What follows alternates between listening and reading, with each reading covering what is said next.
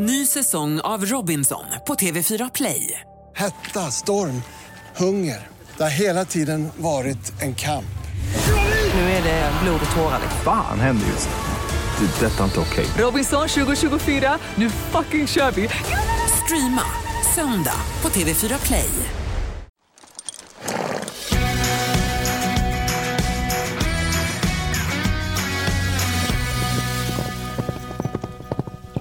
Välkommen till en helt ny säsong får blir det ju av ridklubben. Hej Rebecka. Hej Gry. Lite senare än tänkt. Ja, vi hade tänkt köra igång, hålla på hela sommaren och släppa avsnitt, men nu blev det inte så. Men nu är vi i slutet på början på september. Exakt. Och nu tänker vi att nu kör vi. Det blir som en höstsäsong då helt enkelt. Exakt. Vi kom av oss lite under sommaren. Dels hade vi så himla mycket hästar att ta hand om Mm. och sen så var det så mycket annat som kom i vägen också på vägen. Ja. Men, får jag bara säga, i detta för säsongen premiäravsntet så kommer du få höra en intervju med eh, Maria Gretzer som vi träffade i början på sommaren. Det känns ju som att man har hängt med henne nu i och med vet du, VM och allting. Man har haft så mycket Maria Gretzer Exakt. Och eh, på ett härligt, det är man glad för. Precis. Och så ska man med i Mästarnas mästare också nu. Ja, och det visste vi inte när vi intervjuade. Nej. så Hon var så himla hemlighetsfull.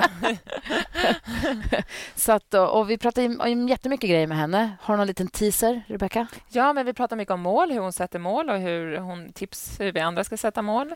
Eh, vi pratar också mycket om hennes hästar och eh, hon har ju haft Linnea Eriksson Carey, hennes kille, som har ridit och tävlat hennes unghästar. Och den här Linnea vart jag så imponerad över under VM i somras. För hon tävlar för Danmark, hon är dansk. Eh, och då red hon en häst som inte var så... Den har inte gått några stora hoppningar innan, men den hoppar fantastiskt. Och Lotta Björe som var expertkommentator, hon sa också att det här är en häst för framtiden. Mm. Men den ville inte hoppa vattnet. Den tyckte vattnet var skitkonstigt. Och då på sidorna var det liksom eh, som buskar och grejer. Så den hoppade liksom ut över busken. Just det. Är du med? Ja. Eh, men hon var så här cool, hon skrittade runt vattnet, fattade ny galopp och så hoppade hon och han klarade det. Mm. Och jag bara var så imponerad över hur man gör, klarar det där på VM. Ja. Och sen dagen två så hoppade den vattnet som att det inte var någonting. ja. Och jag tyckte det var, jag var imponerad av henne. Jag tyckte att hon löste det så snyggt och professionellt. Och det, var, det såg liksom inte argt ut eller besviket utan hon bara så här, oj okej, nej men det vart det så här nu, gör vi om och så vart det jättebra. Jag var ju på Way Out West när det var laghoppningen. Just det. Jag var tvungen att det var Göteborg, lämna Slottsskogen, få åka till hotellet och lägga mig och titta på laghoppningen. Det var ju så fruktansvärt spännande. Skitspännande. Tills Ah. Jens red och var fel. Då var det också lite så här, Ah. det är kul om det hänger på sista ryttaren. För oss var det ju tur att det inte gjorde det nu. Ja, Men eh, nej, så spännande. De Ja, är vad också så roligt. bra i Sverige nu så att man häpnar ju. Alltså. ja. Nej, det är coolt. Och Henrik, han känns ju oslagbar. Alltså helt ostoppbar. Så det kan vi också tipsa om avsnittet med honom. Just det, om du vi- letar på gamla avsnitt på den här podden. Vi har träffat honom ju. Exakt. Så kan ni gå in och lyssna. Verkligen. Både hans och Jens avsnitt tycker jag är jättebra. Och här på, här på hemmafronten så har det hänt grejer. Ja, Har vi släppt något avsnitt sen vi köpte Milan? Det kanske vi inte har, eller har vi det? Jag minns inte riktigt. nej, nu. jag minns faktiskt inte heller. Vi har i alla fall köpt en D-ponny. Ja, Så, nu var det med det. det är klart. Han är toppen. Men vi var provred honom i Dalarna, eller Nicky provred honom i Dalarna. Och du vet när man ser så här på ögonen att japp, här, jag ser på hennes ansikte och hela ridningen hur allt var så här perfekt. Jag ja. hade provridit Jag tror vi har pratat om det här i alla fall. Vi hade eh, provridit några stycken. Och då var det mm, fast eller mm, nej eller man kände att och så där. exakt. Och sen så hoppade vi i bilen och så åkte därifrån så åkte vi typ tio minuter så bara eh, den här hästen ska vi köpa, eller hur? så sa Nicke, vi kan inte ringa nu. Vi får så vänta till. Vi verkar oseriöst ringa efter en kvart, man, en kvart efter man har lämnat gården och bara hej jo, vi tar den. Det, det, är väl, det är väl för sig härligt. Ja Det är fast, jobbigt att vänta, men å andra sidan så vill man ju kanske tänka igenom det två gånger till. ja, fast vi var så himla säkra. Men jag bara, vi måste spela lite svårare, vi får ringa imorgon. Kul. Kanske ska Jätteroligt. göra någon här bok hur man så här, i, i, det- i spelet, eller det finns ju någon så här relationsbok ju. Åh gud, the game. Ex vad Usch, jobbigt. hur man ska vara när man köper häst. Så man får inte ringa för tidigt och man får inte ringa för sent. Nej, fast man ska inte hålla på och spela spel utan Nej, bara säga som det heller. känns ju. Exakt. Ja, för gillar man... Det är ju viktigast att ni gillar den. Ja. Och sen skulle man vara osäker på någonting, om man kanske vill visa den för sin tränare eller veterinär, eller inte vet jag. Då kan det ju vara bra att kanske få ett utlåtande av den då, innan Ja. man bestämmer. Ja, vi veterinärbesiktade ju förstås också innan vi Exakt, köpte exakt. honom. Ja. Men det är lite som nu, vi har ju också en häst som har lämnat oss. Ja. Alltså inte lämnat oss, men lämnat stallet. Exakt. Han, Inte, inte lämnat oss. Vi har sålt Neo. Ja, Fina Neo. Fina Neo. Ja. Min hjärtevän. Det är en sån här häst som man kanske bara får en gång i livet. Så den, jag är väldigt glad över den hästen. Känns det ledsamt? Ja, fast både och. Man, när man ändå har bestämt sig för att sälja en häst så har man ju bestämt sig för det. Mm. Sen är det ju supersorgligt när han väl lämnade stallet eller när de tog med sig honom hem. Men nu känns det bara bra, för det känns också som att han har hamnat på ett toppenställe. För Han är ju 14, så det känns som att han har några riktigt härliga, bra år kvar. Eller många härliga, bra år kvar om han rids Verkligen. rätt och på rätt liksom, sätt och nivå. De här som köpte honom nu kändes perfekta. Verkligen. Ja, gud ja. Det är en familj, så det är yngsta dottern ska tävla honom i hoppning. Och sen storasyrran gillar dressyr och tömköra och sånt. Och så ska mamma rida lite. Så det, nej, det känns som att toppen. Och de ska, hon ska, yngsta dottern ska liksom börja tävla stor häst. Och Han ska det- gå från ponny till... Exakt. Så att jag tror då är han perfekt. Liksom. Ja. Och där har han ju många, många år kvar där han kan lära henne och säkert en till efter henne om det är så. Liksom. Ja.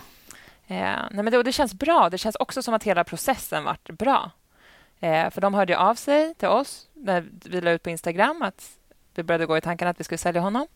Och så kom de och provade, eller först hade de gjort massa research, lyssnat på alla våra poddavsnitt. Det visade sig sen. Det sa hon sen. att det, Mamman sa att vi har lyssnat på allt ni har sagt.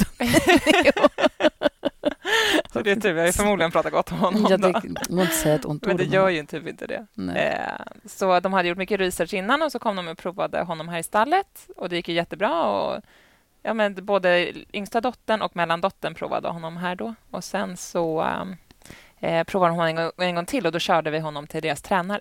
Så dels att de fick hoppa bana utomhus och på ett nytt ställe där han aldrig har varit och med nya hin- alltså bara så här. Jag ser hur han beter sig i en annan miljö. Och också, Exakt. också för sin tränare. Det är ett bra tips om det är någon som lyssnar som ska köpa häst eller ska provrida om man får möjlighet. Det tror jag Sylve sa också när vi pratade om att köpa häst. Va? Ja. När det, det, finns ett avsnitt med Sylve Söderstrand när vi pratade om att köpa och sälja häst. Han också pratade om att åk och rid hästen om det passar och en gång till och se till att ta den någon annanstans. Exakt. Så att man får se den i ett miljöombyte. Och, I alla fall om man köper en läromästare, som Neo är. Ja. Alltså, då ska ju det funka. Köper man en ung häst så kanske det är för riskabelt. ja. Så det beror lite på vilken typ av häst man köper. Men som i det här fallet, när han ändå ska funka som en tävlingshäst nu direkt hos någon ny och vara en läromästare, då ska ju det inte vara något problem. Liksom. Och det var det ju inte här. Alltså, när de hade hoppat lite, så bara efter ett tag, Pontus bara, bra, nu vet vi att han hoppar alla hinder. För det var ju någon grind där som han bara, de här hoppar inte ens mina hästar som jag rider SM på. Okej, det var ett bra betyg. För ni åkte till Pontus Westergrens gård och. Där Rider de? Tränar de för honom? Eller vad? Ja. ja okej. Precis, så vi åkte dit. Så då passade jag på att ta med mig Salsa också, bara fick hon lite miljöombyte också. Och skötte hon sig då? Eh, jo, men bra. Ja, bra. trött. Hon är tjock. Jag har också varit sjuk hela sommaren, så jag har typ inte kunnat rida så mycket. Nej, men jag har haft sån huvudvärk i tre månader nu. Ja. Det, tiden har också gått så fort. Och Först tänker man ju att det bara är typ spänningshuvudvärk och att man är trött efter en intensiv vår. Liksom. Men så var det inte bättre efter typ tre veckor på semestern. Så då åkte jag in till sjukhuset och då skickade de hem mig med Treo och sa att det var spänningshuvudvärk. Och då tror man ju på dem. Men det var Börjar liksom... tumörtankarna dyka upp? Ja, men såklart. Man Nej, får men... lite på för tre veckor. Att, att, att ont i huvudet i tre dagar är, är ju hemskt. Exakt. Men tre veckor, då blir man ju galen och har haft det i tre månader. ja. Då börjar man hitta på alla möjliga diagnoser. ja, men jag vet. Nej, men, och då fick också min farmors granne, som är lika gammal som mig, en hjärntumör. Ja, perfekt. Så att han åkte in och så opererades akut. Då direkt. Hade inte han fått det, då hade jag kanske inte börjat tänka på det Nej. så tidigt. Men då direkt fick man ju så här, ah, okej, men det här är också en konstig huvudvärk jag har. Det här Ja. är inte... För jag har inte haft corona eller det är liksom inte någonting. Så då åkte jag tillbaka till sjukhuset och då skickade de hem mig en gång till med spänningshuvudvärk, att jag skulle gå till en sjukgymnast. Och sen så skulle jag åka till Grekland och då kände jag att jag vågar typ inte åka för jag måste, tänk om jag blir jättesjuk där. Mm. Det, får liksom, det vågar jag inte. Så då åkte jag till sjukhuset igen och då eh, hade jag också bokat så här privat massa tester. Och då var allting bra, förutom att sänkan var lite hög och jag hade dåligt järnvärde. Men jag, alltså, när jag pratade med läkaren, han bara, du har inte den här huvudvärken på grund av... För det är så, alltså det är inte jättedåligt järn, men lite, du kan börja äta mer järn. Liksom. Eh, men han var jättebra då, den läkaren jag träffade, för han skickade mig direkt på, eller så här, remiss till hjärnröntgen och tog borreliaprov. Det är också konstigt att ingen läkare har tagit något som helst blodprov innan. Liksom. Faktiskt. Men då visade det sig, då gjorde vi hjärnröntgen och det var ingenting, vilket var skönt. Då kunde Bra. man ändå andas ut och slappna av lite. Och sen visade det sig att jag hade borrelia. Men då hade jag ingen pågående infektion, utan jag hade antikroppar. Så då har du haft det i början på sommaren säkert? Exakt. Men det visste man inte, så då fick jag inte antibiotika då heller. Så jag fick vänta i två, tre veckor och ta ett nytt borreliaprov. Och då hade jag ännu mer antikroppar. Nej. Och då vet man ju att kroppen håller på och Ja. jobbar mot det där. Så nu har jag äntligen fått antibiotika. Men jag känner mig helt... Alltså jag är helt slö i hela kroppen. Alltså min hu- huvud har jag fortfarande jätteont i. Och jag känner mig typ... Alltså hjärnan känns... Den funkar liksom inte. Den är så långsam. Du vet, jag gillar att vara snabb. så det är så alltså, utmaning. lider så med. Alltså, gå runt och ha ont i huvudet och sova dåligt som man ju gör då och Ja. bara känna sig liksom helt värd. Då. Det är så... Ja, för man känner sig Dåligt. också värd på du vet, alla plan. Man känner sig Ja. värdelös som mamma för att man har noll stubin med barnen och du vet, så fort de bara höjer rösten så skär det liksom Ja. i hela huvudet. Och man är trött. Alltså, du vet, man känner sig, nej usch, det är inte kul. Jag bara längtar. Jag ska fira så mycket när det här är över. Och när du rider då, får du ont? Alltså är det så stöt? Du vet om du galopperar eller Nej, det travar? är liksom eller? en tryckande. Ja. Så det är typ skönt att ha hjälm på sig Ja, okej. som så här, håller emot. Bara hjälm på radion på jobbet. Det kanske faktiskt är en bra idé. Nej, men så när jag sover nu, då har jag liksom en kudde och sen har jag en kudde på huvudet. Ja. Så vet, för då känns det som att den håller emot huvudvärken. Typ. Åh, fy fan. Så det Så då avvaktar du lite med att planera tävlingar och liksom göra stora Ja, äventyr? jag har ändå typ försökt lite för att så här, man bör- börjar bli lite deppig också när man Ja. inte har någonting kul och så när man tänker på hela sommaren som jag har inte, jag, alltså, jag har inte gjort någonting roligt. Jag försökte dricka ett glas vin en gång och då fick jag sån huvudvärk så jag var tvungen att gå och lägga mig. Liksom. ja, du vet. Ja, så jag dricker vin varje dag. Ja, men alltså, Hela gud. sommaren. det ska jag göra resten av mitt liv sen. Huvudvärken är borta. Nej, men så jag försöker ändå så här, för min egen motivations skull och att man ska se framåt. Så jag har som plan att åka till Mälarhöjden och hoppa en klass på söndag. Bara enkelt och kul och lätt och det är nära och jag kan också skita i det om jag känner att jag inte mår bra. Eh, och sen är planen också att åka till Sundbyholm där och jobba och tävla 27 och 28. 37 och 38. Jag tror vi kanske kommer 38. Vi ska, på, vi ska till Norrköping. Och, nu vet jag inte när det här avsnittet kanske kommer ut efter helgen. Det vet jag inte. Men vi ska på meeting nu. Ja. Och nu när det är september då vill jag passa på att tacka Jackson som sponsrar den här podden och tacka för att han har gjort en jacka som heter Lina. Vi Den är- älskar Jackson. Ja, men ja, ja, Lina-jackan den är grå och sen så är här Nej, den är grön. Det säger Nicky också! Titta bakom dig. Den där är grön. Nej, den är grå. Nej, den är inte grå. Okej. Forssell.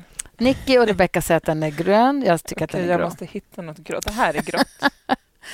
I alla fall så går den liksom över rumpan för halva låret Det är nästan. en jättegrön färg på den. Okej. Så jätte, jättefin grön färg. Jag älskar färgen. I mina ögon så är det grått. Men den är också så tunn. Den är täckjacka fast tunn. Alltså som en, den ska vara under Bodil egentligen. Bodil är skal, den svarta skaljackan som jag älskar. Och Ja. lina är gjord för att kunna ha separat eller under Bodil.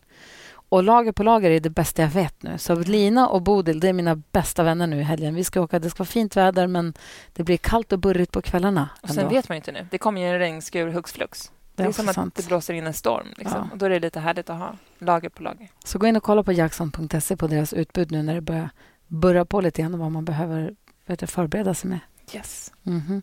Vi var i början på sommaren på Jägersro i Malmö och där träffade vi Maria Gretzer. Svintrevligt. Jag ser fram emot att se henne i, i Alla mot alla. Vad heter det? Mästarnas mästare. Jag med. Hon känns ju som att hon är i toppform. Verkligen. Hon har inte legat på latsidan inför den här deltagaren. Nu kör vi.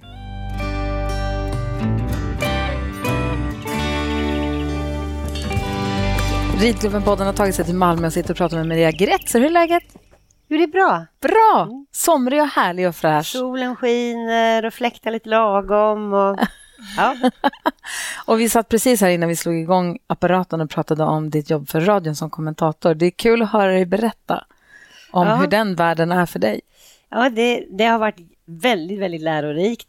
Och eh, jag har gjort det nu sedan OS i London, så det är ju tio år, Åh gud, det är mer länge. än tio år. Och eh, det som är väldigt kul, det är ju att vi har, får ju vara med mycket, mycket mera nu. Alltså det märks verkligen att våra ryttare är superduktiga för att eh, det får mycket mer tid i media. Ah. Och jag vet, vi klagade ju alltid på min tid att åh, våran sport syns li- lite i media, var många som klagade. Och jag sa det, vi måste ju bara vara bättre. Ja. Alltså, vinner man inte så får man inte så mycket tid i media, fast det är många som utövar det. Det sa jag faktiskt redan då, vi kan inte sitta och gnälla, vi måste bara vinna mer, liksom. vi måste prestera bättre. Och så är det ju att nu har de ju varit så otroligt duktiga, eller är så otroligt duktiga, så att nu, eh, då, då hänger ju media på. Ja, exakt. Så det, det har varit en jättekul resa och väldigt nyttig resa att eh, bevaka det från tänka, alltså man tänker ju på, man har ju liksom kommit ut ur boxen så att Ut ur hästbubblan och in i liksom Ja, journalistperspektivet och på det. försöker, Jag försöker, jag sitter ju sitter med i styrelsen i FI och, och liksom försöker ibland få dem att säga ni måste tänka bredare och det är framför allt till, till ryttarna. Alltså, och ryttarna ska ju vara tänka tunnelseende för att kunna prestera. Ja, Så det är lite deras ju. uppgift. Det vill ju Ja. förbundskaptenerna, det vill ju de att de verkligen ska vara lite med skygglappar. Mm. Men ibland när de ger sig in i diskussioner med förändringar Mm. det är lite är de väldigt konservativa och liksom tänker inte på hur man ska föra sporten ut till en bredare publik. Och det tycker jag det har varit jättenyttigt för mig. Men två saker. Har de inte ryttarna blivit mycket, mycket bättre på det? Är de inte mycket, mycket mer ute? Ute, hur menar du då? Och pratar med media och bju- bjuder på sig själva? De och... svenska, jo, alltså det tror jag de är ovanligt bra. Och jag kan säga att de svenska ryttarna är fantastiska med media. Det får jag höra från Christian, alltså jämfört med andra sporter så Christian är... Olsson. Ja, att, eh, att ryttarna är, våra de svenska ryttarna är så superbra att ha med att göra. Och det Alltså- andra är som jag tänker på att du pratar om ryttarna som dem. Ja, Ja. jag kan ju säga vi, men liksom, i och med att jag inte rider internationellt längre. Jag rider ju mina yngre fina hästar. Men eh, det är ju trots allt eh, det som rider, de som rider nu som är superbra just nu på allting. För du har ju inte lagt skorna på hyllan. Nej. Du tävlar ju flitigt har jag sett fortfarande Ja, och tränar. Och... Det är klart att jag inte varje helg eller sådär. Nej. Men, eh, så att jag, och jag har verkligen minskat ner. Men jag har tre hästar som jag tävlar. Vad sa att du tränar för Falsterbo nu? Mm, det gör jag. Det gör jag. Varför ser du så lurig ut? Ja.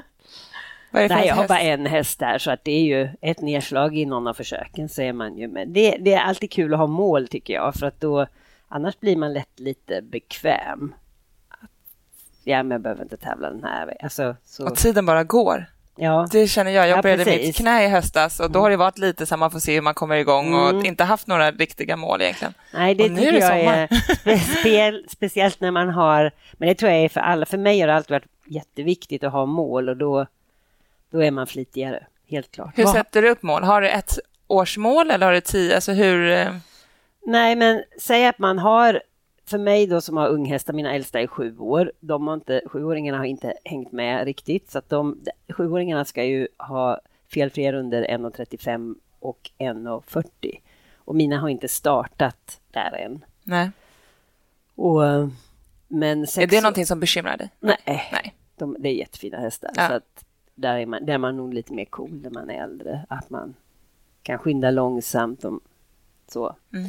Och, eh, men sexåringen, jag tycker att ska man vara med i Falsterbo eller Breeders så ska hästarna enkelt kvala dit. Inte att man håller på att tragga, tragga, tragga och kämpa för då har man ändå ingen chans. Utan de ska vara så bra så att man ganska enkelt Det blir bara obehagligt både för dem och för en själv kanske. Ja, det, det, det tycker jag. Det är så pass stora krav så att det ska... Man ska inte ha kämpat sig dit liksom. Utan man ska ändå känna att man kan komma dit och ta en pallplats nästan. Eller liksom, Det enda är ju chansen. svårt, som, som jag säger, hur fin, så, hur fin en häst du än har och liksom du får till hyfsat bra runder så är det... Nu vet ni vet Jag hur lätt en, en bom trillar. Men det är, kul att ha, det är kul att ha mål. Och vad har du för mål då för 2022-2023? Ja, det är ju... Det är klart att målsättningen är ju final i Falsterbo. Men eh, sen hoppas jag ju, skulle jag inte nå final så hoppas jag att jag kan ge hästen schyssta runder för det förtjänar han.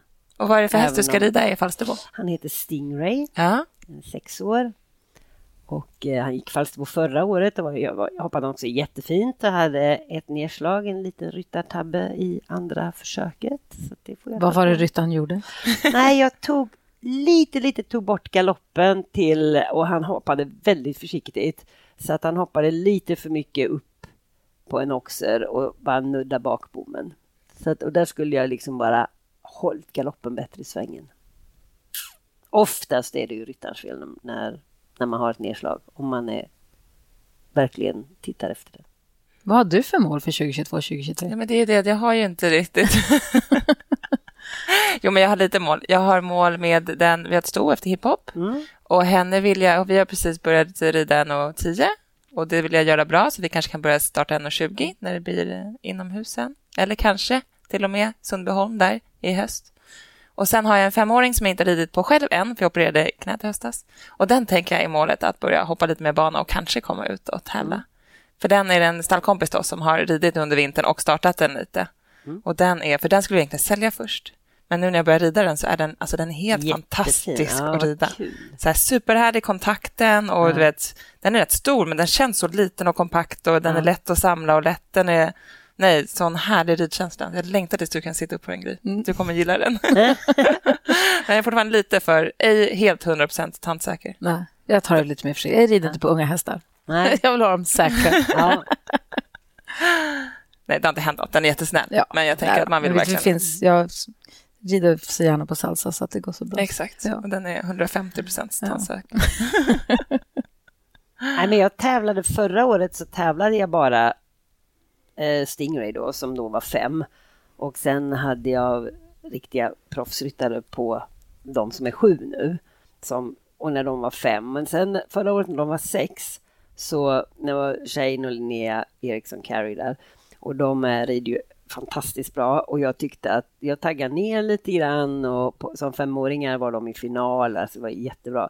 Men sen har de fått jättemycket mer jobb och tävlar mer utomlands, väldigt mycket utomlands och är med i elever utomlands. Så att förra året blev lite, eh, då blev det lite hackigt sådär. Det fick bli lite när de hann med. Också med träningen blev det också. Eh, Tävlar de bara hästarna då och du tränar ja, och hemma? sen åk, åker jag dit så att de hoppar Ja. dem. Mm. Och um, det fungerar jättebra som femåringar och det är också liksom hoppa 1,20 med en bra femåring. Det är ju, behövs inte, behöver inte träna, men sen när man ska steppa upp det lite mer och som sagt, och, och jag förstår det, liksom när de, man är borta så mycket som de är nu så, så kände jag bara att nej, hästarna måste få mer regelbunden hoppning och jag får, ja, jag får bara fräscha till mig lite igen och ta tag i detta. Och den stora som nästan är, vågar inte säga, men nästan 1,80 han Ja. hoppar så himla stort och lite långsamt som ofta stora hästar är. Så att jag tyckte knappt att jag kunde sitta på honom mer än på träna honom lite på 1,10 hinder. Men det är klart att han har vuxit i sin kropp och jag har tränat upp mig. Jag har tagit nya tag Är det igen. därför du har gått till PT? Ja, det har jag börjat med faktiskt. Det har jag lagt till nu för bara sedan en dryg månad tillbaka. Och det är bara för att jag gillar ju alltid att testa vad man kan göra för att Och vad tränar du då? Lyfter du vikter? Nej, inte så här. Alltså det, jag tycker att jag har ju tränat med PT innan. När jag red internationellt så tränade jag också med PT. Också bra, man hade något program som man gjorde och sen blev kollad av lite. Nu tycker jag eh, Jessica Lindgren som, som hjälper väldigt många ryttare här nere som jag tränar för nu. Hon är också, om man får avslöja ålder, men hon är också 50 plus, supervältränad. Jag är ju 60 plus då. Men eh, vad jag, man har ju skavanker när man är så här. Om du pratar om knät, alltså man har sprutat knäna några gånger, höft som man har fått hålla efter lite och så där. Så att man har ju skavanker. Så att vad, vad jag tycker är fantastiskt med henne då, de första två veckorna när vi, när vi tränade så sa hon, du kommer tycka det här är superlöjligt, liksom vad håller vi på med? Fjutti, fjutti, lite så här med små gummiband och, och stå och duttla lite liksom. Du får inte gå ner och bänka och marklyfta och sånt Nej, tufft. utan de första, säg två och en halv veckorna, då var det bara att få, få igång alla små muskler så att man inte överanstränger sen det andra när man börjar lägga på tyngre jobb liksom. Och bara få, och få kroppen liksidig. Det har Ja. man ju hört förr. Jag menar, jag höll på med poweryoga för kanske tio år sedan och det var ju också väldigt bra. Och det är väldigt bra för ridningen. För att man är ju inte liksidig. Vi klagar ju liksom på hästarna när de inte är liksidiga. Men vad fasen, gå till dig själv först. Ja.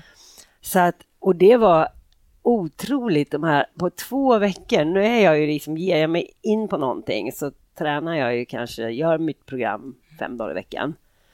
Och, och liksom är determined med det, alltså jag är noggrann med det.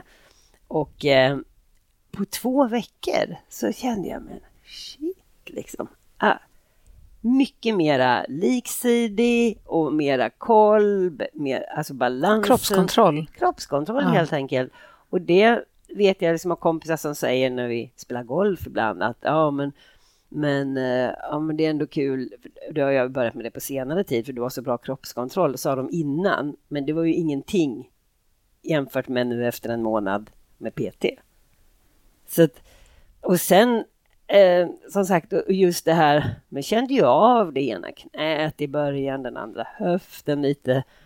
Och det är i stort sett borta nu. Och nu, nu har vi börjat köra mycket tyngre. Jag kan sitta på huk, vilket jag inte har kunnat på de sista 12-15 åren. Det är också fascinerande när man inte gjort det på så lång vet, i tid. min och så, ålder, och ja, jag, nu pratar vi om att vi har hållit på en dryg månad. ja. Och jag, jag kan göra grejer som jag inte har ja, kunnat gjort på, på flera, flera år. Nej. Som när jag håller på med, med hästarna i stallet och sätter på benskydd eller eh, fixar någonting långt ner, då går jag alltid ner, så jag har alltid såna fläckar på knäna. Går jag alltid ner på knä. Ja. Men nu börjar jag liksom, nu får jag nästan påminna mig, jag gör det automatiskt, gå ner på knä fortfarande. Men liksom, jag får säga till mig själv, "Men du kan faktiskt sitta på huk nu. Det är så Alltså nyttigt. sådana här enkla grejer. Jag pratade med läkare också som jag sa det, jag tycker man rör sig så mycket, man är i stallet hela dagarna, man går massa, massa steg, man Ja. går med skottkärror och man mockar och man bär Exakt. täcken och man, jag, tycker, jag bara tycker att jag rör mig, så här dag, alltså rör mig dagligen så mycket. Men så sa att det har ingenting egentligen med Nej. muskelträning att göra, Nej. du måste ändå träna musklerna därför att det där kan nästan också bara vara förslitande för kroppen också. Det är Exakt. som så här bygg, vägarbetsgubbar som tycker att de rör sig skitmycket men sen så är de jättetjocka för de fattar inte hur det går till. men man måste också träna och äta förstås bra men man måste också träna musklerna för att hjälpa kroppen att hålla ihop sig. Jo, det, det har jag, speciellt nu när man är lite, som jag säger, man är lite så halvpension. nej, men, nej, men man, alltså man inte rider internationellt så, så har jag sagt till mig själv att jag går en lång promenad med min stora hund varje dag, alltså och marscherar på. Har sådär. du precis fått en ny valp? Den har inte kommit än, för Nej. den är från Danmark. Den ser så väntar gullig ut. på sin Alltså, jag rabiesvaccinering. ja, jag är Längtar efter den lika mycket som du känner efter att ha sett den på. Instagram. Precis. Och den, den, den, ja, jag har varit och hälsat på den ett Ja. par gånger. Inka. Precis. Just det. Så Nej, men jag har ju hela tiden skyllt på det att jag rör mig minsann så mycket och jag går med hunden och jag gör lite stallarbete och jag försöker alltid gromar någon häst om dagen ordentligt och ja, man rider och hoppar och jätt, har ju mycket träningar så jag bär ju mycket hinder och alltså, som hopptränare så sitter man ju inte ner som dressyrtränare Tränarna sitter ju ofta i en stol med en liten värmare ovanför sig på vintern med en liten filt runt benen och lilla kaffekoppen. Men, men det, gör, det gör man inte som hopptränare utan man går ju omkring. Ja. Alltså jag, när vi är, Björne, min sambo och jag, vi, när vi är i Danmark och har träning då kan vi ju liksom stå upp typ 8-9 timmar i sträck. Och ändå räcker inte det. Så nej, det räcker inte. Och det är ju, det är ju som du säger, det är ju mera, det är mer slitande. Så att eh, jag är jättefascinerad över den här månaden och, och känner att för innan har man liksom accepterat, ja men nu är jag så här gammal, det är bara en siffra som man säger. Men jag är helt fascinerad över hur man kan ändra eh, sin kropp när man är så pass, ja, lite äldre.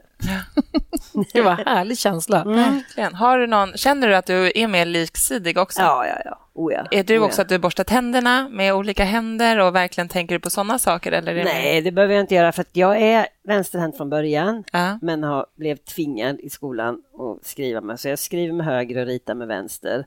Skär bröd med vänster. Det där tror jag är drömmen. klipper med sax med höger. Så jag känner inte att jag har en sida som är extremt dålig. Men eh, så att man på benet är mycket svagare i vänster på grund av lite något knä där. Eh, Med armarna kanske jag är starkare med höger. Alltså Ja. så att jag känner inte att jag har liksom halva mig Nej. en svag sida eller så, utan det är olika ställen Olika i kroppen. punkter. Liksom. Och vilken övning då som du har gjort med Jessica tycker du är? Fick man göra en övning nu resten av livet? Vilken skulle det vara? Nej, det, man kan inte göra en övning. alltså vi, det tycker jag är bra, men också att vi har liksom, nu börjar det bli en hel, man har en hel bank, så att nu sa hon, nu behöver du inte köra alla övningar. Så jag kör ju inte en timme när jag kör själv, för då gör jag ju det mer i ett flyt. Kanske 35 minuter, 40 minuter sådär pusta lite emellan, dricka lite emellan. Nej men, eh, så att, men jag har ju massa övningar som jag, i början körde jag ju alla för då hade jag inte så många. Och sen så lägger man på lite mer och nu kan jag plocka bort några som man är rätt stark med och så, sådär. Så gör du lite extra med det som är... Mm. Jag tänker att du som har varit i ridsporten så himla länge och också som vi sa, vidrörde att det är lite konservativ sport kanske, men vad tycker du är skillnaden på ridning, på men på ridningen egentligen och hur folk tränar från för när du började tävla till idag? Alltså när, det är ju jätteskillnad. Jag tycker att eh, i alla fall om man tittar på elitnivån så är ju det här med, med eh, fysträning vid sidan om, alltså jag skulle nog säga att 99 procent av alla ryttare idag kör någon form av fysträning vid sidan om när jag var den föregångaren nästan, i alla fall som gick ut offentligt med och sa att jag liksom tränade för PT och tränade fys. Jag blev ju lite, lite skrattad åt av en del. Nu är ju det, nu skrattar man nog åt någon som inte gör det, som blir det på hög nivå. Så att där har ju ändrat sig enormt och det, det ser ni också när ni tittar på tv och så här, ser, ser ju inte många tjocka ryttare längre. Mm. Eller liksom för kraftiga eller sådär, utan de är ju faktiskt i trim. Ja. För att det har ju blivit en enormt mycket större konkurrens. Så att det, vet det har blivit ju... mer av en millimetersport. Ja, och det, på alla fronter. Det, liksom. det vet alla att man, man hänger inte med om man inte är... Alltså man är ju minutiös med hästarna och vänder på varje sten för att eh, få det så bra som möjligt. Och toppryttarna vet det, måste man göra med sig själva också. Verkligen, så där har ju ändrat sig otroligt mycket. Jag tänkte på det också när du sa att när du sa förut att för att få plats i media, man måste också vinna för att få förtjäna mm. den platsen. Det var, såg någon tidningsartikel här nu med Malin Bajard där, hon, där rubriken var att eh, jag vill bli världsmästare. Mm. Sa, gick hon ut, var rubriken mm. i alla fall. Och det känns som att det finns en helt annat, ett helt annat självförtroende ja. eller att man vågar ja. sätta ord på sina ja. mål eller sina mm. drömmar Annars på ett annat sätt. Förr hade man alltid hemliga drömmar. Ja, eller som lite jante, lite jante lite man ska så. inte tro. Men nu känns det som att det finns en sån, i dem i alla fall, eh, att det finns en sån himla men, ett sånt starkt självförtroende och en känsla att det faktiskt kan gå. Man får också drömma det nu. Och sen om det inte går så är det ingen som kommer stå och peka finger. Nej. För att man, man försökte. De flesta vet hur svårt det är. Ja. Jag tycker det är härligt. Jag blir så glad när jag Sen, såg det. Ska säga, jag vill tillägga det med, med skillnaden nu och, och, när jag red, det är ju att tempon, tempot i klasserna har ju höjts avsevärt. Man kan inte bygga högre och större och mäktigare och liksom hästarna hoppar ju så otroligt bra också så att det är redan, det är inte att hindren har blivit mindre, men det är ett väldigt högt tempo. Som jag brukar säga, min första OS-häst Mocoville jag skulle inte klara av att hålla maxtiden med henne i en vanlig klass idag. För att hon var extremt känslig och liksom het inombords. Det syntes inte så mycket. Hon gick ju hela sitt liv utan sporrar, utan spö. Och jag sådär, andades man för snabbt på fel ställe så kunde det resultera i okay. ett nedslag. Lite, lite ah. den varianten. Och hon hade ju inte platsat i landslaget idag. Det, är så det, har ju alltså. en, det har ju gått, men aveln har ju också gått framåt jätte, jättemycket. Så att eh, hästarna är ju eh, mera ja, tävlings, tävlingshästar. Vad var det du berättade för mig? Du hade varit på en föreläsning med Maria för länge sedan. Ja. Och vad var det hon sa någonting som... Jag har kvar alla mina anteckningar från det här. Det? det gäller att man inte bara blabbar ur sig som jag gör ibland. Jag kan ju bara... Nej. Sen... Alltså det var verkligen jätte, jätte, jättebra. När var det här? Eh, 2017 har jag skrivit de här anteckningarna. Det var inte så länge sedan ändå. Eh, jo. Fast det, alltså, det är fem år sedan. Ja, det är inte så länge sedan. Okej. Nej, men då, redan då så har jag antecknat mycket här om dina planer. Ja, Att man ska ha en säsongsplan Mm. och att man ska ha så här, träningsperiodsplan. Kommer jag ihåg att du pratade mycket om. Mm. Ja. Och därför har jag våran, den här, jag har två olika kalendrar i sadelkammaren. En månadsplan ja. och en årsplan. Ja. Typ. Då kan man också, för det, vi poddade med Kajsa Björe Mm. och då hade hon också en så tävlingsårsplan, skrev ner alla tävlingsplatser, sen hade hon typ röda hjärtan på de som hon ville Ja. åka till, typ Falsterbo och sådär. Och så hade hon guldstjärnor på typ Sundbyholm och kanske de bra tävlingsplatserna som är bra och sen andra som kanske också är bra att åka till, men kanske nya hästar så. Så, så, det, så måste man ju absolut ha, alltså när man är som, som Kajsa som är i landslaget på sin nivå, alltså på sin åldersgrupp eller vad man säger. Hon verkade ha haft det här i många, många, många år. Ja. Det var ett system som har... Men det kan jag väl erkänna att nu, när, där jag rider nu, har jag ju liksom lite, lite mer otydligt. Men det sitter ju också lite i ryggmärgen. Är det Falsterbo så, så här, inte hoppa för mycket men absolut inte för lite. Och tävla på gräs har jag gjort nu. Liksom som att man får in det innan, innan Falsterbo. Och det passar mig bra. Jag älskar att rida på gräs om det inte ösregnar. Och eh, sen eh, kan jag anmäla lite sent och det finns alltid plats. De här tävlingarna som alla vill rida på, där är jag ju alltid för sent och är liksom typ 80 reserv. Så det är liksom, nej, blev inte den tävlingen. Men det känns också som att alla proffs älskar att rida på gräs och alla amatörer som jag Ja. hatar att rida på gräs. Men det är ju för att, antagligen för att ni gör det för lite. Ja. Och sen har ni inte fått lära er alltså brodda på ett eh, bra sätt. Det är jobbigt att pilla broddhål och skruva i och ur och liksom men känslan, jag red i en torsdagstävling nu här förra veckan. Åh, man har ju nästan glömt hur härligt det är att hoppa på gräset. Och hästarna bockar mellan hindren, det får de inte göra. Men så, nej, nej, han var på filmen med den ena hästen som hoppar felfritt så hör man liksom efter halva banan. Nej, nej, nej, inte så med mig!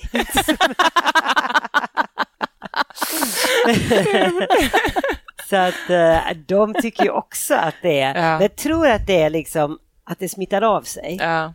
För att eh, det, man hör mycket liksom, "Ah, min häst gillar inte gräs. Nej, det är kanske ryttaren som är osäker på gräs. Alltså, för Jag älskar att rida på gräs och jag kan nästan inte komma ihåg att jag haft någon av mina bättre hästar som inte har gillat att gå på gräs. Det känns också naturligt för hästarna. Ja, alltså, så här, de, precis. Ja. Och sen eh, som att rider man, har jag inte haft nu innan, för nu rider jag ju rätt så lugnt, man rider så här. Men, men till Falsterbo ser jag ju till att ha tre broddhål bak, vilket gör jätteskillnad.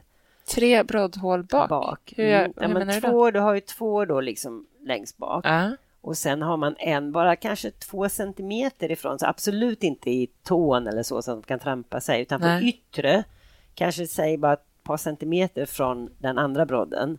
Aha, På på utsidan. Och där sätter du liksom en, inte en, en jättestor brodd, utan lite mindre. Så den, som Typ som en isbrodd, eller lite längre gräsbrodd. Nej, jag brukar ha, jag brukar ha typ som en vanlig Ja. sån där. Och, och det gör en enorm skillnad. Är det här bara något tips som du har? Eller är Nej, det... alla, du ser, om du tittar internationellt på Ja. grästävlingar finns det inte Gud, en enda häst som inte Ska har vi gå till, om vi, nästa år när vi åker till Falsterbo, ska vi bara, ursäkta, kan du, jag skulle vilja titta under din sko, hästen Nej, alltså. det är du, som- du rider där. Ja, ja, ja. Du du som har dem. titta på de internationella där, tror jag. Ja. Väldigt få som inte har tre broddar bak. Nej. Väldigt få. Och, man har, nu har man, och fram har man bara två bak. Alltså i skorna. ja, och Så två fram, fram det är också och- en grej. Fram ska du ha små broddar. Mm. Är det jätteblött så hjälper det inte. Alltså då, Det spelar ingen roll hur långa om- då, spelar det ingen roll. Nej. Fram ska du ha små broddar och är det inte, har det inte regnat utan att det är lite torrt, då hugger det. Då är det väldigt så för benen. Ah, Att det hugger i. Så att då Den kan, stoppar nästan. ja, så att jag, om det är torrt så har jag ju pyttesmå broddar fram. Ja. Nu visar du typ en halv cent, alltså bara några millimeter. Ja, de minsta som går att få. Ja. Så att man har lite och så lite större och framförallt lite större yttre bak och så. Jag kan ju berätta som Henrik von Eckermann, han red ju sin allra första nationshoppning som senior i Aachen. Fy det är sådär som inte många vet.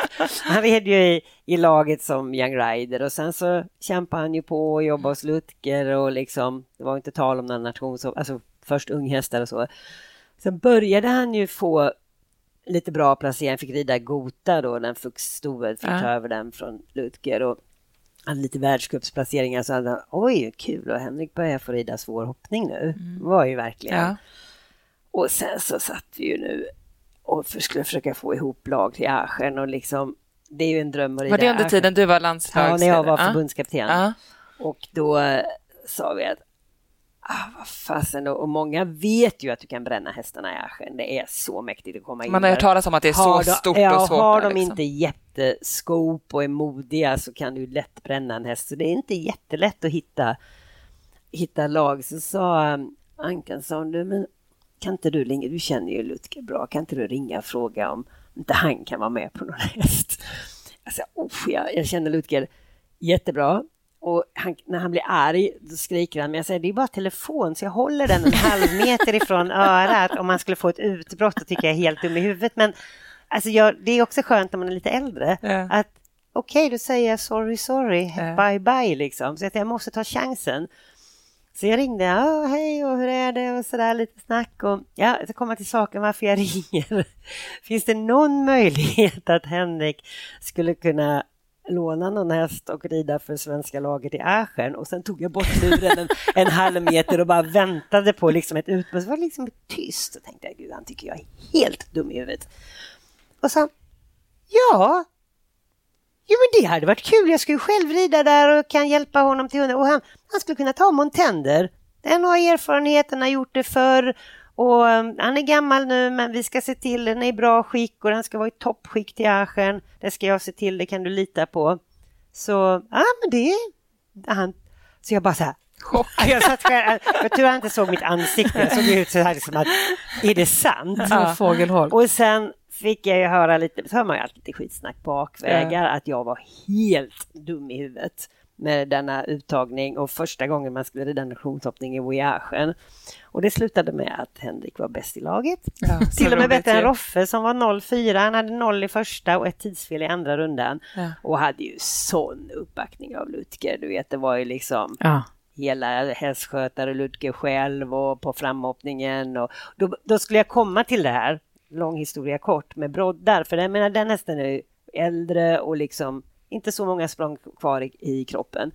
Den broddade de fram innan sista räcket på framhoppningen. Och då hoppar man fram på gräs Hoppade också. fram på gräs Ja. utan broddar. Ja. Fram. Det sista, innan sista räcket innan de gick in. Ja. Hoppa av hästen, i med broddarna och sen pyttesmå broddar då. Ja. Och varför gör man så? Jo, det är ju för att broddarna tar ju i lite Ja, grann. för att skona benen det var lite, väl? väldigt, Det var fint väder då, det var torrt och bra. Och för att spara, att få lite mera glid. Ja. Så att man sparar benen lite helt enkelt. Men vad den storyn också säger, bekräftar igen att man ska alltid våga fråga. Alltid våga fråga. Man kan inte få mer än ett nej. Även om, som sagt, det är skönt att fråga på telefon för då behöver man inte ha någon som skäller ut en mitt emot utan då kan man, jag var verkligen beredd och bara så här liksom sitta så här och, och jag säger det kan inte bli mer nej. Alltså, våga. Vilken är den största utskällning du har fått? Oj! Nej, det, det de är nog så många så att det... Men... Eh, jo, jag ska berätta en, en jätterolig historia som är Kul. väldigt kanske kul för lyssnarna att höra. Jag jobbade ju hos en också gammal eh, militärisk ryttare, Paul Weijer i Schweiz, som jag jobbade i drygt, hos i drygt två år. Hade, stallet hade över 100 hästar, försäljningshästar, inackorderingar, allt möjligt. Så jag red väl 10 hästar om dagen och höll träningar och ja, det var verkligen så. Och där skulle vi i alla fall tävla då på helgerna och då tävlade också Paul och hans fru Monica ibland när det var liksom fina tävlingar. Och det var en väldigt trevlig tävling i Appenzell. Den ligger ju som en gryta där mellan bergen. Och det var bara det att det var Schweiz regn som jag säger. Alltså det regnade kopiöst, hade gjort i flera dagar. Och i Schweiz ställer man aldrig in. Alltså hade det varit i Sverige hade tävlingen varit inställd. Och många av våra inackorderingar, jag skulle rida två hästar, Paul skulle rida två och Monica skulle rida två. Och vi skulle åka till den här tävlingen på morgonen.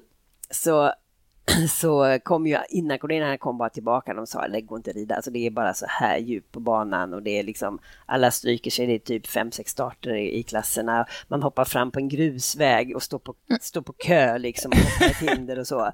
Det var inga, inga jättestora klasser men det var liksom ändå en 1,30 eller sådär. Då vill man gärna värma upp. Och då blev man kallad till kontoret. Mm. Och sen och det var lite så här typiskt lite militäriskt. Jag, jag visste det ju så väl att ibland så kunde man inte svara rätt. Utan vad man än svarade så blev det fel. Så säger han, ja Maria, hur regnar mycket idag? Har regnat mycket? Ja. Så att eh, Monica och jag har bestämt oss för att stanna hemma. Hur vill du göra? Mm. Oh. Oh, vad svårt. Och då tänkte jag brr, tänka, tänka, tänka fort. Och då, han var väldigt mån om hästarna, så då tänkte jag ta det den vägen. Ja, det, klart att jag hade sett jättemycket fram emot att rida på den här fina tävlingen. Men eh, för hästarna skulle ju stor skaderisk och, och liksom så här. Så att, och medan jag sa det, då såg jag hur han bara blev kolsvart i ögonen och liksom bara, mm, bara se ut som en drake. Så jag bara, fel, fel, fel svar, fel svar. Men det hade varit fel om jag hade sagt att jag jättegärna vill rida. Är du inte klok? Skaderisken? Är du dum i huvudet? Alltså sådär. Så då var det bara, innan jag nästan hade sagt det klart, så, så bara pekade han på mig och så sa han, du har minsann aldrig ridit ett mästerskap i hela ditt liv. Jag skulle vilja se, jag har ridit tre OS och min fru har ridit två eller något sånt där. Jag skulle vilja se dig komma till olympiaden eller på ett OS och säga jag vill inte rida för det regnar. Du, du ska lära dig. Vi har tävlat hela vårt liv, vi kan stanna hemma. Nu tar du Monikas två hästar, dina två och du får lov att ha en hästskötare med dig idag. Så, och så vill jag att du kommer hem med bra resultat. Du behöver lära dig. Så du kan, kan det här när du, så att du är van vid det här när du ska rida mästerskap. Och jag ner till stallet då och tänkte, jädra gubben, jag kommer aldrig rida mästerskap i hela mitt liv. Alltså jag var inte ens i närheten, jag har aldrig varit bra, alltså junior, då jobbade jag i Tyskland, jag har aldrig ridit ponny. Alltså jag hade verkligen ridit SM ungefär, det var väl som jag hade startat innan jag började. Alltså så, men så jädra idiot, jag menar jag kommer aldrig någonsin rida ett OS. Det liksom finns inte på kartan. Och liksom, åh, jag var helt vansinnig. Och sen samtidigt var man ju arg och så iväg och jag fick ju ha en tjej med. Så, och det var ju mycket vänner när vi kom fram, det var bara gyttja alltihopa. Så en häst utgick jag väl med, det gick bara inte. Men de andra, ja, jag hade ju rosetter med de andra för jag fick liksom runt dem och de hade ju sänkt lite och sådär. Och bara, alltså det var ju liksom på ren vilja. Och sen så när vi kom hem på kvällen så gick jag upp till kontoret och bara smacka upp rosetterna på bordet och sen Vielen Dank! Ich habe sehr viel gelernt. Jag har lärt mig väldigt mycket och sen gick jag ut och smällde igen dörren. Lite sådär. Och sen, alltså det har jag, jag, åt ju middag för, med honom. Han är ju också lika gammal som min mor. Han är ju eh, långt, långt över 80 år nu. Så att när vi åt middag sist och Björn var med och Monica, så, så, då vågar jag faktiskt berätta det här. Att det är ganska festligt egentligen. Jag har ridit tre OS, ett antal VM, ett antal EM. Då, nu kunde jag ju säga det. Alltså när jag gick ner från, det, från kontoret så tänkte jag bara du är helt jävla dum i huvudet. Vilket, eh, alltså vilken grej att tro att jag någon gång ska liksom ens vara tänkbar till att rida ett OS. Och vad sa han nu då? Han bara skrattade, muschen bara. ja, jag hade väl mer koll än du. Sådär. Så att det just med att det, det, det, tycker jag är lite jobbigt idag med alla ung, ungdomar. Det måste gå så fort. Alltså har man inte varit med på mästerskap när man är 20 så kan man lika gärna sluta rida. Alltså det ska gå så himla fort och man ska bli bra så, så snabbt och sådär. Som sagt, eh, jag kommer inte ens ihåg, men 92, hur gammal var man då? Jag var 30... Ska det 50, 60, 88, 88. Ja, 34 ja. när jag red mitt första OS. Så det, är liksom, det skulle jag vilja förmedla, att liksom, det tar tid. Och har man inte kanske rätt hästar, eller jag red sex år på ridskola och liksom har jobbat med, tog jobb utomlands och var väl ingen jättetaj, jag var väl talang på att trimma och så, det har jag alltid haft. Var på väg nästan till dressyrstall innan jag hejdade mig. Men, men liksom, du vet, jag ansågs inte ha någon talang för hoppning, men ja, ger man det tid och, och får lite möjligheter, tar alla chanser man får. Det är också ett sånt där tips. Ta Mm. alla chanser man får. För jag minns också att du sa att du hade lite svårt för avstånd när du var yngre. Mm, absolut. Att det var inget som var naturligt för dig, att du Nej. alltid prickade hinder. Liksom. Nej, för det känns gud. också som att det är en så stor grej idag. Ja. Att man måste kunna pricka hinder, annars så kan man också sluta Alltså hoppa. typ. först måste du, som jag, det är också ett riktigt stalltips, att har du inte ordning på markarbetet, att kunna ha hästen driva med bakbenen fram till bettet med en, en bra kontakt och ha den liksom välskolad där, men att den är framme till bettet. Har du inte ordning på det markarbetet, jag brukar säga till dem som vissa hästar går och knäpper av och liksom är, är inte för skänkan. Det är sånt inneuttryck nu, det måste vara för skänken. Men alltså de flesta är inte det och de har inte heller, många har inte tålamod och kanske rätt hjälp med att få dem bra framför skänken. Och jag brukar säga att då kan inte, då kan inte Rolf-Göran eller Peder, de kan heller inte pricka hindren bra när inte hästarna fungerar. Om de går och knäpper av och är liksom släpper och bakbenen är i Kina och följer inte skänken, då kommer inte de heller rätt på hindren. Då kommer liksom inte, då står hindren på fel ställe. Så markarbete som är lösningen till... Markarbetet är verkligen, har du ett bra, riktigt bra markarbete, då är det, jag ska inte säga att alla kan ha bra avståndsbedömning, men det är väldigt mycket enklare. Och lika som ett, ett uselt markarbete, då är proffsryttarna heller inte så himla duktiga på Och vilken är din bästa markarbetesövning tycker du? men det är ju allting, det är ju, hel, det är ju just det här att ta sig tid och sen inte öva för mycket. Det är ju övergångar skulle jag säga. Att häst, lära sig känna att hästarna driver i övergångar från trav till skritt. Skritten, många hoppryttare, alltså på låg nivå, lägre nivå, det är som att skritt är en gångart som inte existerar. Att liksom, du ska ju skritt också kunna ha hästen avspänd och liksom känna gammal kyraövning, halt skritt, att den tar, reagerar på en tiondel sekund. Halt skritt, att de har, det är en bra övning. Men då tycker många att vet, har man gjort det halt skritt fem gånger eller sju gånger, har man gjort det jättemycket. Alltså när jag red med Mocco Wildom in den här hästen som gick OS och mästerskap utan sporrar utan spö. För, min första lektion för Kyra Kyrklund, dressyr då, eh, då var det tre kvart haltskritt. Hon satt upp på den och gjorde haltskritt i tre kvart. Sen gjorde hon två galoppfattningar och sen fick jag åka hem och öva. Och nästa gång jag kom så gjorde vi halvskritt och då red jag väl själv halvskritt i ungefär 35-40 minuter. Och sen gjorde vi lite skritt galopp tillbaks till halvskritt, Sen fick jag åka hem. Och sen så att alltså man, det är bara liksom att det behövs ju många upprepningar. Man tjatar om övergångar, övergångar till galopp, trav, galopp, trav. Ja, men de flesta tycker de har gjort många om de gör tio. Jag satt och räknade med en svår häst jag hade förra året, bara för skojs skull. Satt jag och räknade när det, och jag rider ju inte en hel timme. Då räknade jag, jag har ju gjort eh, 68 övergångar galopptrav med den hästen och det blev väldigt mycket bättre.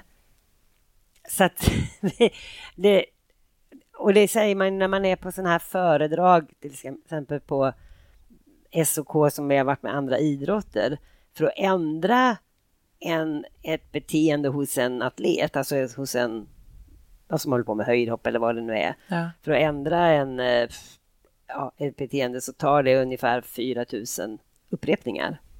Jag tycker ju hästarna lär sig mycket snabbare. Ja. Mycket snabbare. Jag tror också hästarna behöver kanske inte träna lika mycket som vi egentligen. Men vi Men behöver alltså, de där Jag övergångarna. menar bara, när man får det, säg, säg om, det är mellan, om det är mellan 2000 och 4000, men, men där pratar vi ju Ja, om du gjorde 68 på ett pass. på ett pass. Ja. Och det var inte, det gör jag absolut inte varje dag, men jag hade en svår häst och gjorde det några gånger, så sen kunde jag ju minska ner till hälften kanske. Men övergångar är liksom att det sitter, att man lär sig känna att hästen driver utan att springa. Det är också en väldigt stor skillnad om hästen springer eller om den driver bakifrån. Ja, för fart och framåtbjudning är ju två är olika helt saker. olika liksom. saker. Ja. Det, Men jag tänker, där måste det också vara svårt, som du som är tränare också, att många, både vuxna och unga idag, har så bråttom framåt. Ja, att det är jätte- svårt kanske att vara tränare då och ha det här skrittpasset en timme. Ja, så det har vi väl inte, men alltså just att man ändå har i skritt hinner man ju känna en del. Att man tar sig tid lite med, med jag, säger, jag säger till någon, du, nu skenar den ju i skritt. Det där är väl inte den takten du vill ha? Eller när de har skrittpaus och hästen bara släpar sig runt med, som en snigel med fötterna liksom dragandes i gruset. Den, så länge du sitter på ska den ju liksom marschera på i en takt. Alltså det är liksom samma sak. Ja. Den, den ska ju skritta i den takten som man själv anser är rätt för hästen. Men framåt. Rörelse. Ja, lite så. Ja, det blev lite ridtips där. Det Ja, är- bra.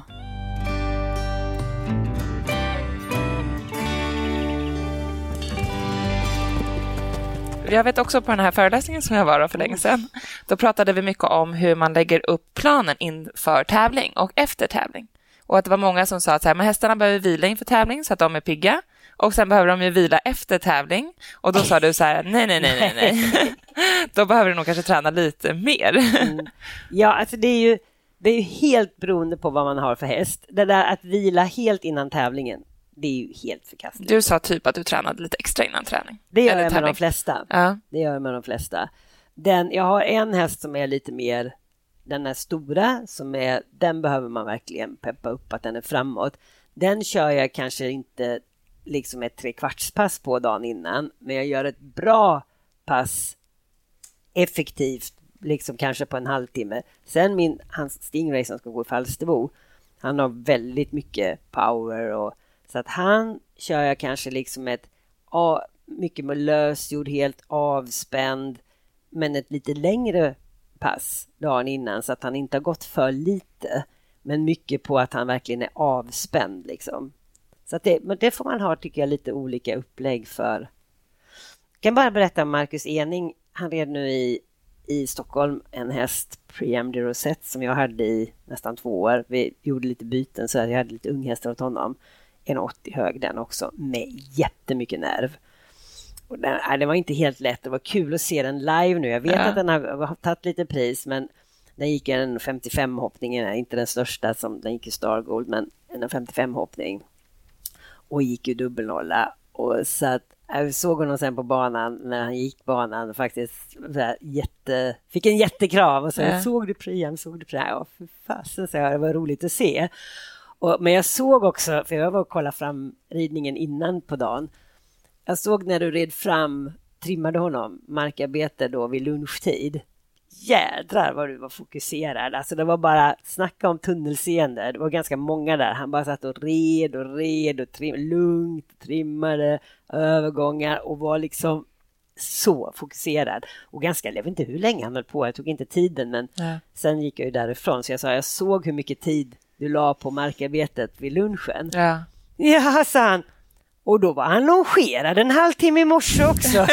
du vet ju hur känslig han är, sa han. Det får man jädrar mig lägga Ja. lite krut på. Ta ut det lite, putsa Ja. ut det under dagen. Liksom. Och sen, då hade han alltså gått halvtimme lunch på morgonen. Mm. Ett ordentligt markarbetespass mitt på dagen. Och sen stor, stor hoppning med omhoppning ja. på kvällen. Då var han dubbelnolla. Ja, det får man ju avpassa. Det kan man ju verkligen inte göra med, ska inte göra med alla hästar. Nej. Men så man får verkligen lära sig vad ens egen häst behöver. Men när, när jag var liten, jag hade, hyrde en ponny ett år, en Forest ponny. Och då på stallet då, det var som lite ponnyklubb. Där var det sådär att man, hästarna skulle vila, de skulle stå dagen innan. Och vi hade Ja. det där, var i Göteborg, fanns nästan inga hagar och så på den tiden. Så att de liksom stod så de skulle vara pigga. Och det kanske funkade halvbra för någon. Nu gjorde jag ju det med min New Forest. De var väldigt bra, så här, bussig Ja. lärohäst. Och vad hände? Hon var ju stallmodig, så jag vägrade ut mig på första hindret. Ja. Så att den varianten med vila dagen innan lärde jag mig inte. väldigt tidigt att inte prova på något mer. Du fick lära den hårda vägen direkt. Ja, precis. Jag vet inte Ja. hur pass bråttom du har. Vi har en lyssnarfråga från Elina. Hon undrar om du har tips på hur man får hästen rakriktad. Om du har några bra övningar. Ja, det är klart att jag har. Och eh, det är ju dels att man försöker att inte harva för mycket i det svåra varvet utan att man faktiskt växlar varv.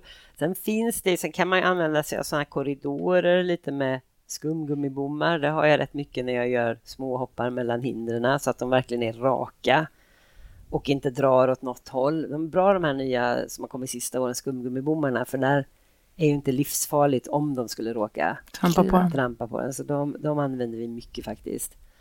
Och sen, eh, sen finns det en väldigt bra övning när man... Det är svårt här när vi inte har någon, något att visa på, men man bara lägger bommar säg på medellinjen som ungefär där man vänder upp dressyr med Mm. lite avstånd emellan. Och sen ska man bara flytta hästen så att ska, de ska vara precis bredvid. Så första bommen, om du har lagt bommar och som är lite avstånd emellan, Ja. eh, hela medellinjen, kanske fyra eller fem bommar får plats. Och så rider, ska du vara jättenära bommarna. Så man rider lite Och serpentinbågar för att bara Nej, slicka bommarna. inte typ. serpentin, utan du ska ju bara flytta den, ja, bara andas att den och sen ska du rakrikta den Ah, där. okej. Så Så att en liten zigzag eller nej? ja, men det får inte bli det, utan Mm. det ska vara Hästen ska vara helt rak den ska mot... vara, och sen så bara flytta den lite där, fånga upp den med ytterskänken lite där, på den sidan om den bommen, på den Så du har sidan. en bom på höger sida, sen Nej, nästa på... bommarna ska ligga Bommarna helt, rak. Helt rak. Och hästen Helt ska rak. liksom Ja. så här typ. Ja, men, men inte så som du visar. Ska den böja sig lite? Nej, Nej. den ska vara rak. Vi pratar ju om rakriktad. Ja. Då ska vi inte rida serpentiner. Men du ska vara på Men du har varannan bommar gång. med avstånd mellan. Mm. Så du har första bommen på din vänstra sida.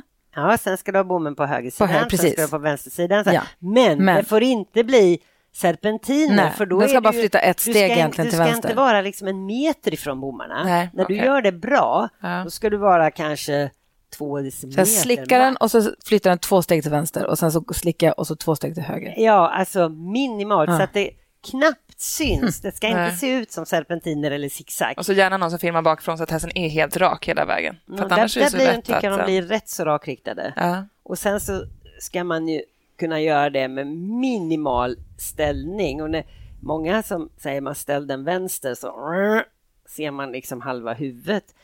Det var en bra tips av en tysk tränare att man sitter still i en halt och har hästen rak. Så sa han, ställ den till höger, då ska man bara se ögonfransen lite grann. ja, den Så lite. Typ. Mm. Ja, alltså den högra ögonfransen.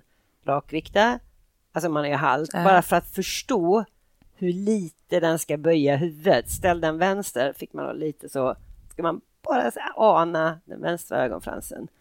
Så att, man, man ser ju väldigt mycket ryttare som förböjer hästarna. Ja, exakt. Ställ vänster, så, så jag, det får inte vara som en banan, Nej. utan en ställning, det är ju liksom bara nacken lite, bara. man kan säga lite eftergift i ganachen. Ja.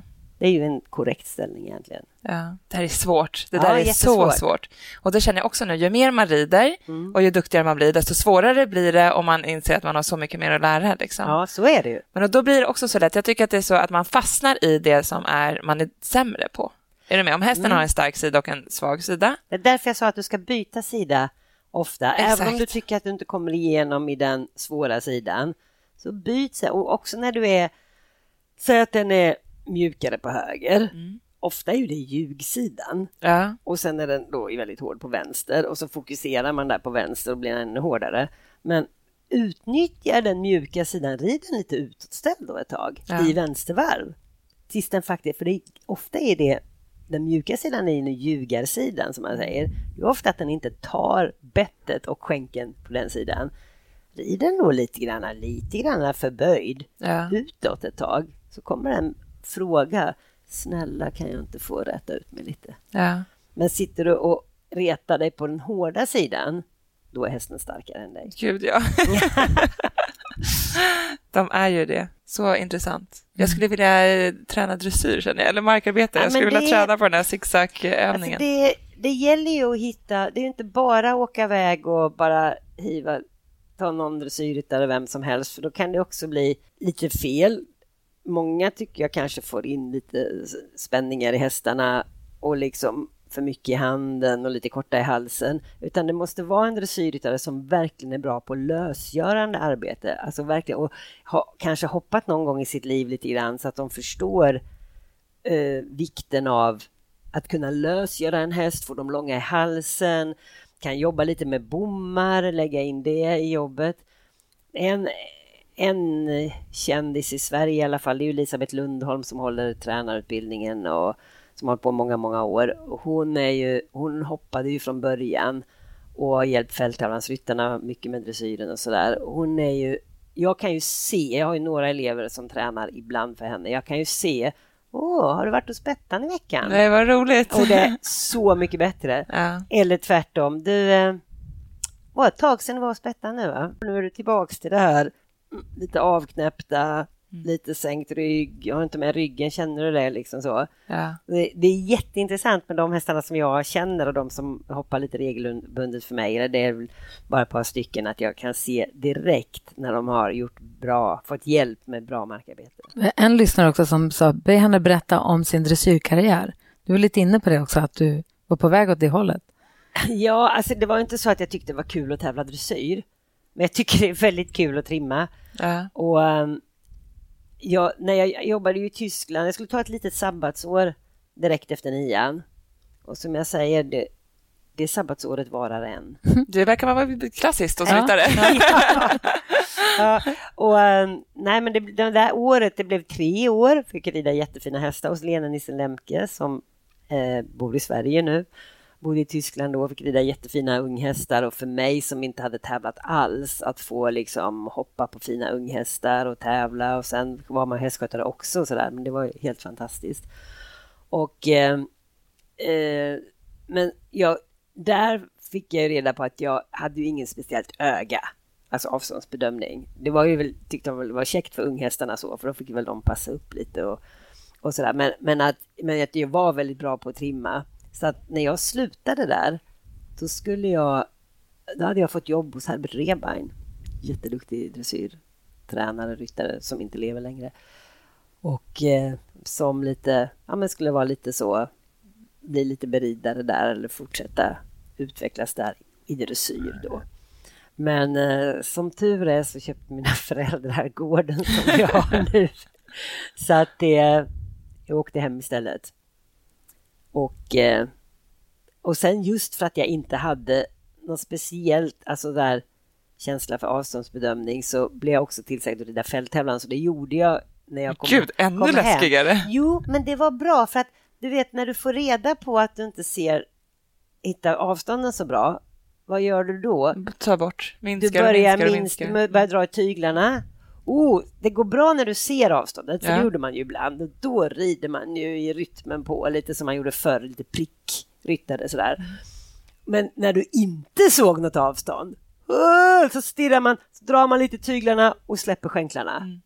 Vad gör hästen då? Ja, då börjar de stanna. Ja. Så då blev jag inkörd på det här när jag jobbade i Tyskland att några av de här unghästarna att red fälttävlan och där kan du inte, alltså där har du ju sånt högt tempo Ja. och försöka rätta lite mera jag red ju alltid ganska säkert, red lite med tidsfel och så i terrängen, men det var ju ändå ett helt annat tempo än i hoppningen. Ja. Och där fick man ju verkligen fokusera för att ja, man visste att man kanske kunde slå ihjäl sig om man gick omkull där. Exakt.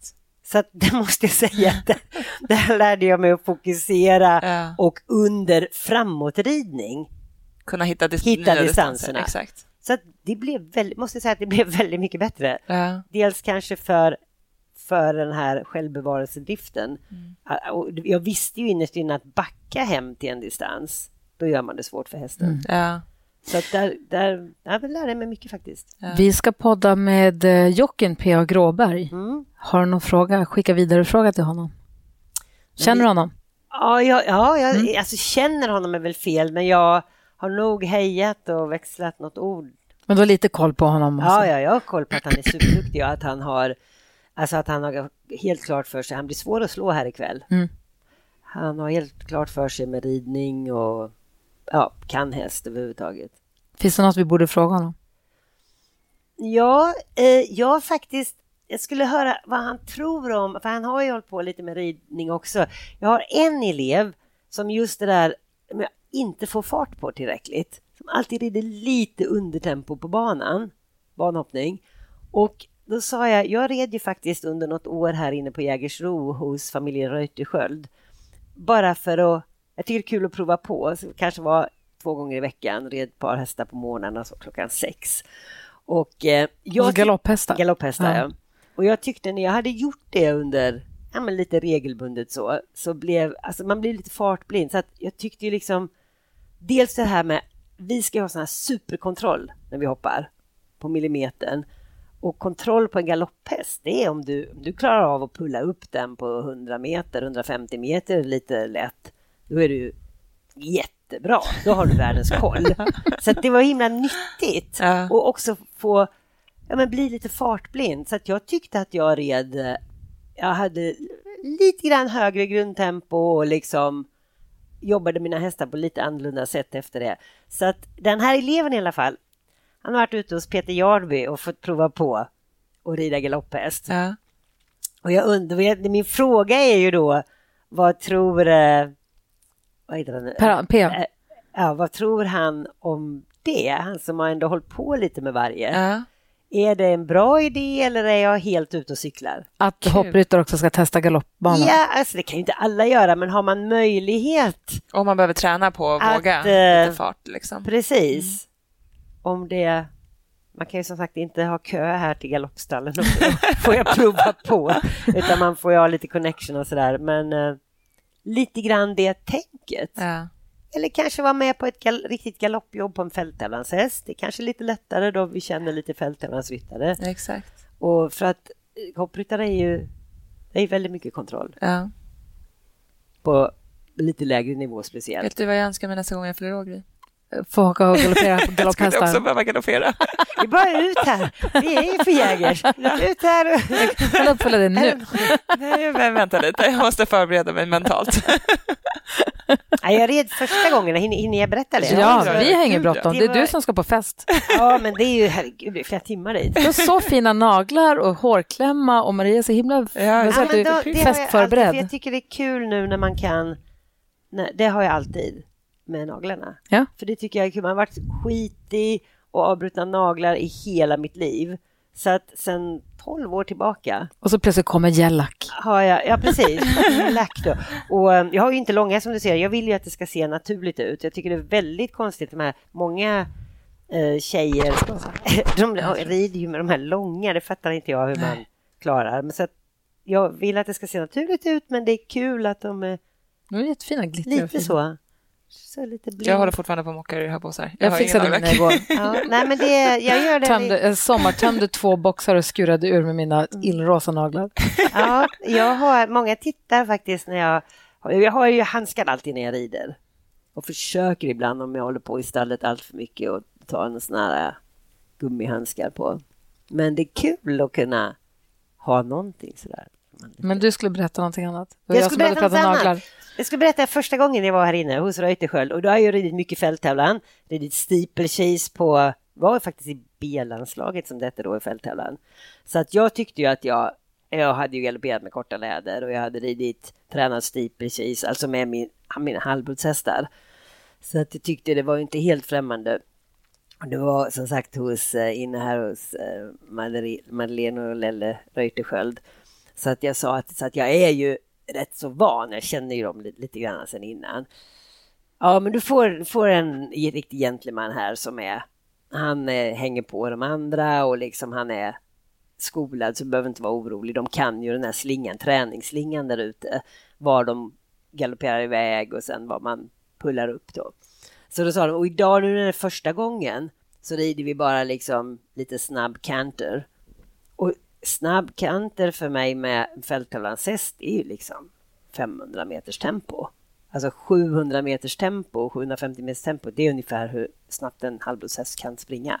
750 meters tempo. Och vi tävlar väl hoppning typ 350. Ja, 350. Ja. Så att snabbkanter för en fälttävlanshäst, då är du liksom uppe ja, men 500 Det går fort. tempo. Det är fort. Nej, det, nej, det är jag. inte. Det är mer än en hopphäst, men det är inte full fart. Inte sken. Nej, nej, nej. Men ändå Utan det är liksom frisk. Ja, men kontrollerat, men frisk bra galopp. Ja. Ja. och sen travade vi ut då med de här jockel. Jag hade ju inte riktigt så korta läder som dem, men tillräckligt korta. Så vi travade en lång slinga uppvärmning för de var noga med och hästarna gick lite i form där och jättetrevligt. Och sen visade de då, det var väl ett gäng på fem stycken. Och när vi kommer den, vi rider ut på den här träningsbanan, när vi kommer till den pinnen, där vet de att där springer de av. Så var beredd då, du kan hålla halsringen lite grann för då, då Ja. skjuter de iväg lite grann. Och sen så, och sen så ska du hålla dig, det är en häst först och så håller du tre hästlängder bakom den ungefär. Och försöker få inte rida förbi och så. Och du får inte dra i tyglarna, för då springer de ännu fortare. Utan du liksom håller, man håller dem liksom med kroppen och kan dra i halsringen lite, kan hjälpa också. Okej, mm. och inte Alltså, börja dra, inte börja med händerna, för då det liksom är Ah. Okej, Mm. och sen, sen behöver inte vara orolig, utan sen när vi kommer bort där till liksom, där är ju, så ser du det, slutet där, där, är, där lugnar de ner sig, för där vet de att liksom jobbet är klart och din häst är helt lugn med det. Så där pullar vi upp. Och så vi red ut på den här banan och liksom, ja, 75-100 meter innan pinnen, tjoff sa det bara, så sprang de av som de hade sagt. Jag bara shit, det var ju liksom långt kvar till pinnen. Det säger man pinnen till mig, då är det pinnen. va? Det är inte när man ser pinnen. Inte när man ser pinnen där framme. Whoop! Och iväg. Och det gick ju så jädra fort. Jag tänkte herregud, här måste gått något fel. Det här är ju liksom inte kanter, det här är ju full, Kaos. full galopp. Och de här tre längderna, och jag försökte inte dra, inte dra och liksom hålla med kroppen. Tre längder blir två, två längder blir en och en halv. Och sen alltså lyckades vi hålla den och så på slutet så var det bara en längd och liksom och det där de skulle pulla upp, det passerar vi men sen alltså började de sacka i och min häst märktes faktiskt att han visste vad det var. Så, och jag, och innan vi, när hästen var nere i trav så här, ursäkta, ursäkta, det gick helt åt helsike. Men du var ju skitduktig, men gud så bra. Ja men herregud, det är ju bara en längd kvar till slutet. Ja, ja men det var jättebra, den höll sig på avstånd. Ja men säg tre längder så att det är på ett ungefär. Det var jätte... det var- åh, Ja, pinnen och längder, det är mer bara- jobbat. Ja, men sen stack de ju där långt, långt innan pinnen. Ja, men det är ungefär, de vet ju där att pinnen kommer, så det är liksom, det var jättebra jobbat. Och, men så, och så men, men det här var ju, för mig var ju det här Alltså det här måste ju varit liksom, det måste vara full, full galopp. Ja, alltså de, det blir lite högre tempo. Min häst var lite pigg, sa den ledaren då, så att det här var liksom snabbkanter, men absolut inte när vi säger galopp. Så vad, har, vilket tempo tycker du att ni, vi red i då, sa jag. Nej, men idag var det liksom ungefär, vi var väl uppe nästan i 800 meters tempo. Wow. Jaha, ja, det är ju snabbare än vad våra halvblodshästar kan springa, Ja. Sa jag. Så för mig var det full galopp. Ja. Men så hur fort går det här, här ute på, på den riktiga banan? Ja, där är det ju över 1000 meters tempo. Och jag fick göra det en gång, en uppvisning här faktiskt på en tävlingsdag. Med bara jag och, och Lennart Junior, Reuterskiöld. Och fick, då hade jag haft uppvisning med Mako Vill och hoppat och sen kom vi in och så bytte jag till galopphäst. Och så drog vi en repa. Ja, fy! Och då hade jag ändå ridit här inne lite grann till och från under ett halvår. Men fy fasen vad fort det gick alltså. Du Det var då. häftigt och jag var glad att vi bara var två. Ja. Men, men vi kunde ju inte pulla, vi skulle ju pulla upp här och de drog ju ett halvt varv till och då kände jag, då hade jag lite kortare läder än vanligt, kände jag, pullar de inte upp snart, då kommer jag trilla av, alltså mjölksyra, Av utmattning. var av utmattning i benen. Alltså, men då precis fick, fick eh, Lennart höj, hejd på sin lite grann och då kunde jag ju också, jag sa det, jag hade gått ett halvt varv till, då vet jag fasen om jag hade suttit kvar. av Benen skriker. Ah, Och då tycker jag alltså. som sagt att, att jag var, då var jag ändå lite van, hade ridit Ja, du har ju olika ridit lite. Och, ja, visst. Ridit lite grann så att säga. Men, ja. Nej, det blev en lång historia av det också. Ja, kul, det är så kul att höra. Verkligen. Men det är nyttigt och jättenyttigt att prova på lite. Och lära sig också av andra grenar. Och precis. så. Mm. Och väldigt nyttigt av så att, och just det här mycket handridning och, och dra och slita i bettet som många gör. Liksom, varsågod, kom upp på en galopphäst. Får inte röra dem i munnen, alltså mer än att ha ett stöd. Alltså det, de har alltid halsrem, så Ja. man liksom har händerna där nere så att man har dem fixerade. Och får hålla med kroppen när det går undan. Man tycker att det är nästan sken. Ja. Och just det där släppa lite på kontrollen som man Precis, annars gärna precis, har. ja. Nej, det är, det är absolut nyttigt. Ja. Så att, eh, ja. Gud vad roligt. Alltså, vi skulle kunna prata, vi har väl tusen frågor kvar, vi skulle kunna Ja. prata länge som helst. Men du ska få gå på, Jag är också rätt bra på att prata. Ja, men det är härligt ju. Det är därför vi gör den här podden. Ja. tack snälla Maria Gretzer. Tack så mycket, det var kul att vara här. Ny säsong av Robinson på TV4 Play. Hetta, storm, hunger. Det har hela tiden varit en kamp. Nu är det blod och tårar. liksom. Fan händer just nu. Det. är Detta är inte okej. Robinson 2024, nu fucking kör vi! Streama söndag på TV4 Play.